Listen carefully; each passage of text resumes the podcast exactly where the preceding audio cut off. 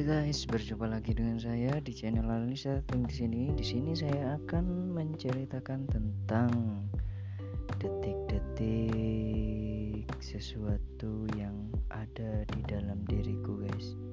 Di sini saya dulu itu orangnya sangatlah pemalu, lugu, dan penakut.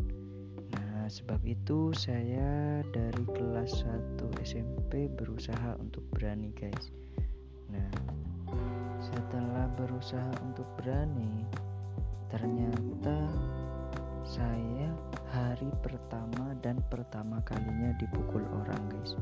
Jadi di situlah awal saya menjadi orang yang begitu nakal dan tepatnya waktu saya lulus SMP saya itu benar dan benar-benar nakal dan saya menyadarinya semua itu guys. Maka dari itu bagi kalian yang belum kecemplung di dunia seperti saya lebih baik hindari ya guys ya. Terutama minuman keras dan masalah kewanita ke wanita nah habis itu saya akan menceritakan awal dan terakhir kalinya saya seperti sekarang ini beranjak untuk ke masa depan ya guys ya.